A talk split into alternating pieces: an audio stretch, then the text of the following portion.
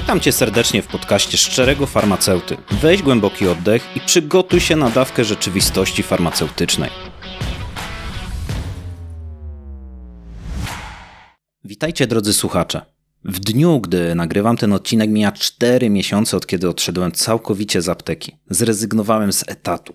4 miesiące to wystarczający czas, aby oswoić się z nową rzeczywistością, odpocząć psychicznie, zresetować głowę, nabrać dystansu i podjąć inne wyzwania. Chcę Wam opowiedzieć o przyczynach mojej decyzji, o nowej drodze, którą wybrałem i o tym, czy widzę jeszcze możliwość w ogóle powrotu do pracy w aptece. Zapraszam Was na moją prywatną spowiedź. Temat przyczyn w moim przypadku jest złożony. Nie ma jednej lub dwóch konkretnych przyczyn, które spowodowały, że rzuciłem aptekę. Jest ich kilka, które rozłożone były i są w czasie. Uważam, że taki okres czasu jak kilka miesięcy abstynencji aptecznej jest doskonały do tego, aby spojrzeć na pewne kwestie, aby zobaczyć coś z innej perspektywy, aby zobaczyć też swoje potknięcia i przywary. Postarałem się wybrać siedem dla mnie najważniejszych przyczyn, które sprawiły, że zrezygnowałem z etatu. Po pierwsze, to brak wizji rozwoju. Moja droga dojrzewania jako farmaceuty miała różne etapy. Był etap sprzedawczyka ukierunkowanego tylko na sprzedawanie premiowanych produktów i zarobienie kasy. Był etap ogromnej ilości nadgodzin.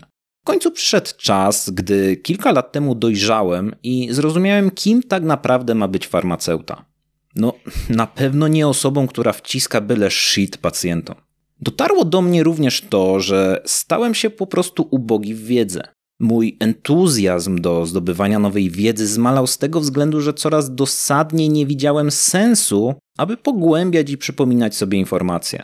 Bo przecież i tak nie będę miał czasu, często możliwości jej wykorzystać. Przecież większość mojej pracy to wprowadzanie faktur, analizowanie magazynu, sprzedaży i robienie przesunięć między aptekami. Trudno mieć wizję rozwoju, gdy Twoim głównym obowiązkiem w pracy są rzeczy kompletnie niezwiązane z Twoim wykształceniem. Trudno czuć determinację do rozwoju, gdy zaczynasz widzieć coraz bardziej to, do czego sprowadziła się praca farmaceutów w aptece. Jeszcze taka mała dygresja a propos rozwoju. Ktoś może powiedzieć: Łukasz, przecież różne są stanowiska w branży aptecznej. No tak, są różne.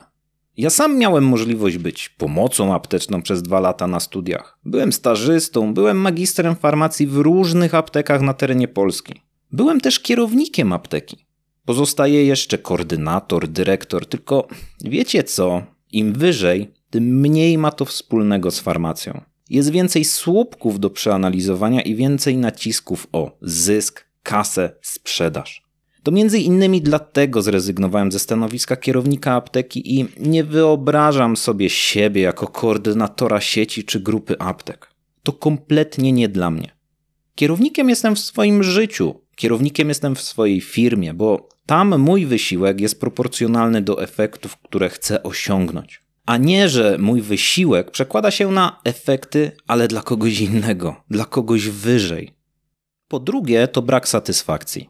Uwielbiam komuś pomóc, uwielbiam rozwiązać jakiś problem, wykorzystać swoją wiedzę i umiejętności. Mówię o tym oczywiście w kontekście pracy z pacjentami. Mam w sobie duże pokłady empatii, potrafię słuchać i rozmawiać z pacjentami. Mam naturalną potrzebę otaczania ich opieką. To część mojego usposobienia, mojej natury. Oczywiście nie jest ona bezgraniczna. Zmęczenie, pośpiech, wielorakość obowiązków w pracy sprawia, że czasem przekraczam wewnętrzną granicę i nawet ja mam dosyć wszystkiego. Niestety, wielorakość obowiązków farmaceuty sprowadza się do rzeczy, które mi osobiście nie sprawiają absolutnie żadnej satysfakcji. Analizowanie sprzedaży, magazynu, cen, robienie zwrotów i cała ta biurowa robota. Po trzecie, to zmęczenie psychiczne. W tym kontekście przytoczę przykład z czekoladą. Uwielbiam czekoladę. Gdy zjem kostkę, smakuje wyśmienicie. Gdy zjem dwie, również. Nawet gdy zjem ich nawet od razu 10, to pewnie nadal będzie mi smakować.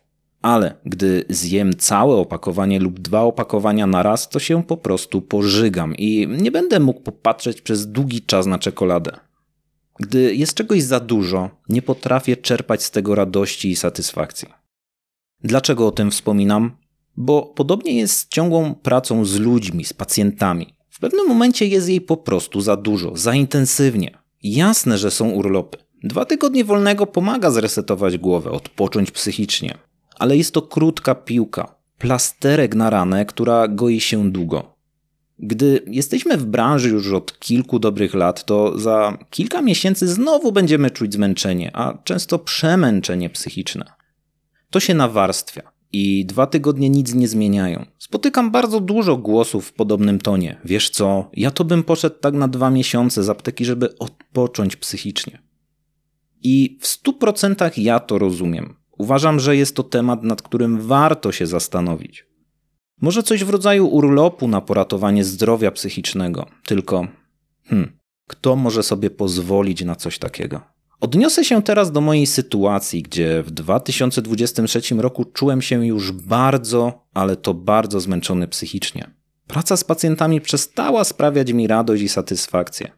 Dzisiaj, cztery miesiące od kiedy nie pracuję w aptece, zaczynam z powrotem czuć prawdziwą potrzebę pracy z nimi. Rozpala się znowu ogień, który bardzo lubię w sobie i który wiem, że pomoże wielu osobom. Jednak będę chciał go wykorzystać już w inny sposób, na innych warunkach. Ale o tym za chwilę. Po czwarte to frustracja. Nie mogę jej pominąć w tym odcinku, chociaż jest ona w wielu sytuacjach dla mnie wstydliwa. W moim przypadku ma ona kilka twarzy. Próbowałem ją zdefiniować, opisać, jak ja ją postrzegam. Być może błędnie podciągam to pod hasło frustracja. Być może. Być może powinienem inaczej to nazwać, ale tego nie wiem. Nie jestem doskonały i absolutnie nie pretenduję do takiego statusu. Popełniłem wiele błędów i nadal pewne popełniam. Staram się jednak wyciągać wnioski i stawać się lepszym człowiekiem, ale to trwa. Przechodziłem okres, gdzie miałem poczucie, to mi się przecież należy, bo skończyłem takie, a nie inne studia. Wydawało mi się, że bez wysiłku mam otrzymać to i tamto. Popadałem w popularne narracje, narzekania, popadałem też w lenistwo, pewnego rodzaju pychę. Nie mogę pominąć tych rzeczy, bo na przestrzeni lat musiałem je przepracować. Musiałem przepracować tą bardzo negatywną frustrację i przekuć ją w działanie, w inne nastawienie. A to w sumie też przekuło się na to, że zacząłem szukać innych perspektyw, innego spojrzenia na ten zawód, innych możliwości. Nie wiem, czy powinienem podciągać to pod hasło frustracja. Być może pod przepracowana frustracja? Po piąte, to moja natura. Bardzo dużo spraw i rzeczy traktuję zero-jedynkowo. Albo coś jest czarne, albo białe. Albo na czymś mi zależy, albo nie angażuję się i idę w inną stronę. Ale jeśli w coś się już angażuję, to całym sobą. Takie moje usposobienie ma dużo plusów, ale ma również dużo minusów. Niestety, praca w systemie aptecznym, gdzie zaangażowanie pracownika mierzy się tylko ilością sprzedanych opakowań marki własnej lub innego shitu, jest dla mnie uwłaczająca. Można mieć niesamowitą wiedzę, empatię, charyzmę, robić rzeczy przekraczające Twoje obowiązki. Ale jeśli Twoje statystyki sprzedażowe są kiepskie, to dla systemu świecisz się na czerwono. Wtedy pojawia się inny rodzaj frustracji. Taka frustracja pojawiała się u mnie za każdym razem, u każdego pracodawcy. Docierało do mnie, że dużo bardziej opłaca się robić mniej, udawać, że czegoś się nie umie. Bo mniej się zmęczę, bo mniej będę musiał zrobić. Podstawową wypłatę przecież dostanę taką samą. Ale ja tak nie potrafię. Jasne, że miło jest usłyszeć, świetnie zrobiłeś to czy tamto. Na tobie zawsze można polegać. Ty zrobisz to przecież najlepiej. I na chwilę to jest miłe, ale szybko dociera do ciebie, że nie ma to znaczenia. Mógłbym tego nie zrobić, udawać, że się nie wyrobiłem, mieć w dupie. Niestety nie potrafię zaadaptować się do takiego systemu pracy, gdzie nie opłaca się być prawdziwym liderem. Bo finalnie chodzi i tak tylko o słupki i wskaźniki które mają się świecić na zielono. Po szóste, to absurdy i ciągłe zmiany. I być może ten punkt wynika również z jakiejś mojej negatywnej cechy, ale to odcinek o moich przyczynach odejścia i o tym, jak ja to widzę. W moim odczuciu wiele zmian, wiele nowych wytycznych wprowadzanych jest, mam wrażenie, przez osoby kompletnie niezwiązane z praktycznym wykonywaniem zawodu. Bo teoria to jedno, ale praktyka to drugie. Absurdem dla mnie jest na przykład, że więcej czasu i uwagi poświęcam na to, aby wyliczyć ilość leku, który mogę wydać pacjentowi, niż na to, aby z nim porozmawiać o leczeniu. Absurdem jest, że więcej czasu poświęcam na to, aby przeanalizować każdą kreseczkę, bo potem będę musiał poprawiać receptę albo samemu dopłacać kasę. Absurdem jest, że ogrom energii poświęcam na to, aby w ogóle wyjaśnić pacjentowi, o co chodzi z jego receptami i odliczaniem leku. Po siódme to nowa wizja, chęć spróbowania i walka o to, o czym marzę. Mam tutaj na myśli chęć pójścia własną drogą, wykorzystania swoich mocnych stron, wykorzystania doświadczenia i lekcji, które otrzymałem już od życia. Nie chcę niczego żałować, a na pewno nie chcę żałować tego, że nie spróbowałem, a mogłem, bo zbudowałem sobie do tego przez lata warunki. Czy stracę pieniądze, czy stracę czas, życie to wszystko zweryfikuje.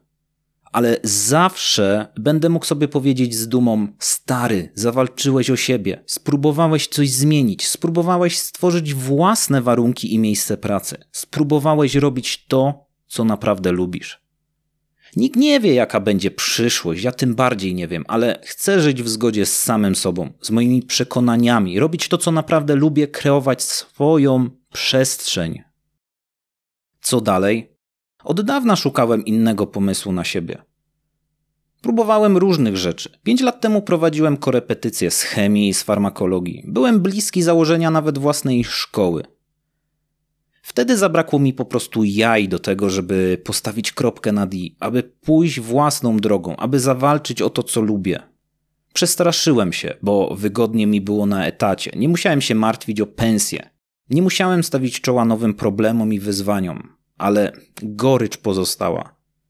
Już dokładnie nie pamiętam nawet, kiedy znowu zacząłem myśleć i szukać sposobu, aby robić coś, co tak naprawdę lubię.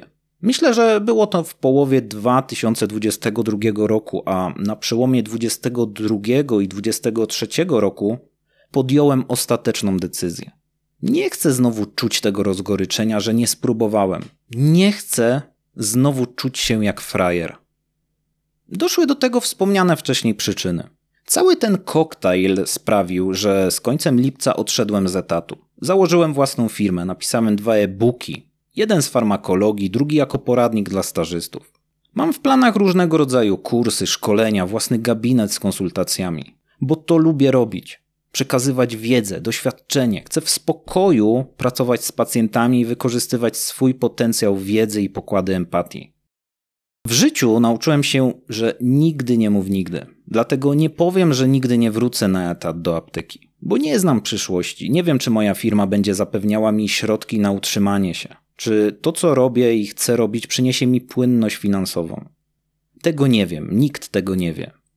Co nie zmienia faktu, że mogę z pełną odpowiedzialnością powiedzieć, że nie chcę wrócić na etat i jeśli życie mnie do tego nie zmusi, to tego nie zrobię. Chcę, i to mówię całkowicie serio, wrócić do apteki, ale w ramach umowy B2B na godziny. Chcę mieć mimo wszystko kontakt z apteką, chcę mieć kontakt z pacjentem aptecznym, chcę być na bieżąco z problemami i realiami aptecznymi. Chcę być w kontakcie z personelem aptecznym, poznawać ich opinie. Nawet ze względu na podcast, który prowadzę i nagrywam dla Was, bo jak mogę opowiadać o trudach aptecznych, skoro nawet w nich nie będę uczestniczył? No jak mogę mówić o życiu apteki, skoro w nim nawet się nie pojawiam? Moi drodzy, pamiętajcie, że ten odcinek to 100% mnie. To moja spowiedź, to moje przyczyny, mój charakter, moje spojrzenie, moje wady i zalety. Nie musicie się z tym zgadzać ani popierać. Możecie uważać całkowicie inaczej. Mam też pełną świadomość tego, że za kilka lat moje spojrzenie na pewne kwestie być może ulec zmianie. Na dzień dzisiejszy moja spowiedź w tej materii wygląda tak, jak usłyszeliście. Dziękuję za wysłuchanie tego odcinka. Jest on naprawdę ważny dla mnie. Dzięki za odsłuchanie dzisiejszego odcinka. Jeśli chcesz mnie wspierać jako twórcę, jako farmaceutę, to polub, subskrybuj mój podcast na platformie, z której właśnie korzystasz. Zawsze możesz postawić mi również wirtualną kawę. Zapraszam Cię na mój Instagram Szczery Farmaceuta i do usłyszenia.